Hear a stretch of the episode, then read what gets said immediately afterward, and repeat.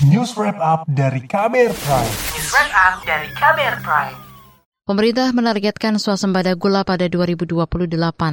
Swasembada adalah kondisi ketika suatu negara mampu mencukupi kebutuhan gulanya sendiri. Namun, alih-alih menuju swasembada yang terjadi saat ini sebaliknya.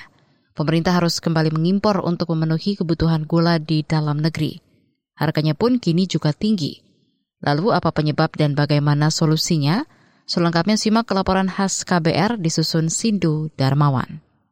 Rencana swasembada gula beberapa kali disampaikan Presiden Joko Widodo di berbagai kesempatan. Semisal ketika Presiden meninjau kebun tebu di Mojokerto, Jawa Timur awal November tahun lalu. Rencana itu kemudian dituangkan dalam peraturan Presiden tentang percepatan swasembada gula nasional dan penyediaan bioetanol sebagai bahan bakar nabati yang ditetapkan pertengahan Juni 2023.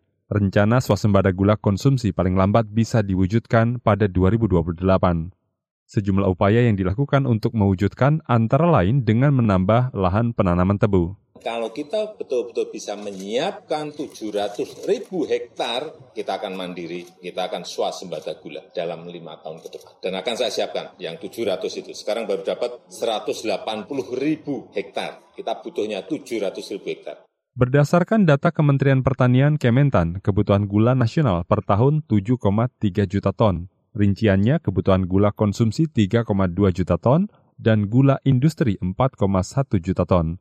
Sementara produksi gula nasional baru 2,35 juta ton. Indonesia butuh peningkatan produksi hingga 5 juta ton per tahun untuk bisa swasembada. Faktanya saat ini harga gula konsumsi justru melonjak tinggi. Pada November tahun lalu di Jawa Timur, harga gula Rp13.700 per kilogram dan di Papua Rp17.750.000 per kilogram. Pada November tahun ini, harga gula di Jawa Timur Rp16.250 per kilogram, sedangkan di Papua Rp17.800 per kilogram.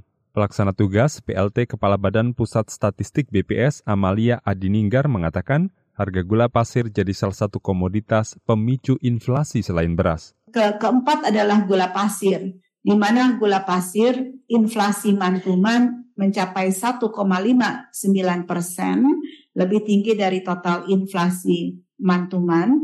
Tetapi eh, dan kalau kita lihat uh, jumlah ataupun level harga dari gula pasir ini masih dalam tren yang meningkat. Kenaikan harga gula pasir turut memengaruhi indeks perubahan harga di 315 kabupaten kota pada pertengahan November. Menurut Badan Pangan Nasional Bapanas, penyebab kenaikan harga gula adalah karena kenaikan biaya produksi dan kondisi pabrik gula yang perlu diremajakan. Kemudian terjadi kenaikan harga gula internasional dan keterlambatan realisasi impor gula.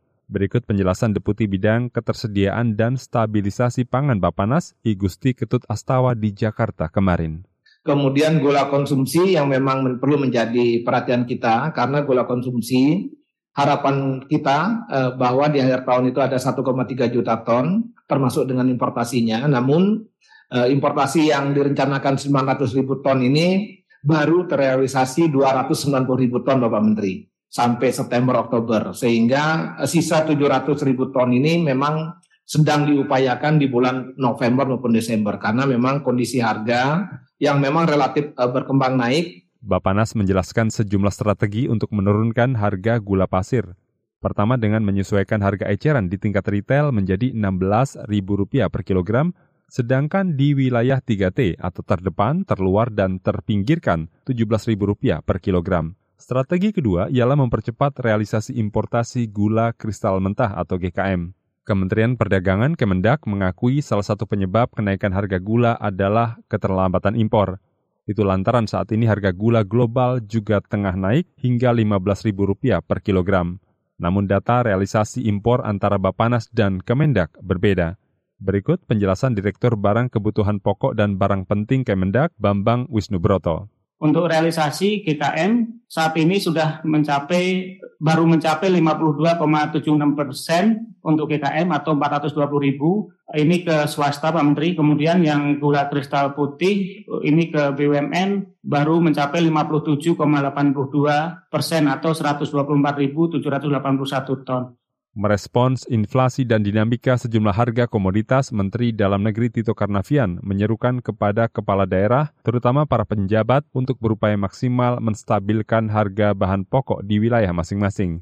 Tito bakal mencopot para penjabat jika tak mampu mengendalikan inflasi di daerahnya. 10 kabupaten provinsi tertinggi. Saya minta betul atensi di Maluku Utara. Maluku Utara ini uh, definitif pejabatnya 4,31 persen. Ini Pak Kiai. Kemudian Papua Barat 3,86 persen. Pak Gubernur Papua Barat yang lama sudah menyelesaikan tugasnya berganti dengan penjabat yang baru Pak Waterpau, Paulus Waterpau diganti oleh Pak Ali Abam, Ali Baham. Ini Pak Ali Baham saya minta atensi betul. Demikian laporan khas KBR yang disusun dan dibacakan Sindu Darmawan.